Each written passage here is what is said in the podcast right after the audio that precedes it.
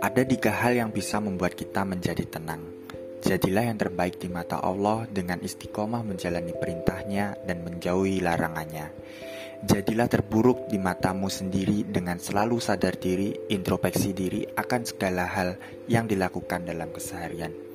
Dan jadilah sederhana di mata manusia dengan tak berharap apa pun pada mereka dan taruhlah harapanmu hanya pada Allah semata.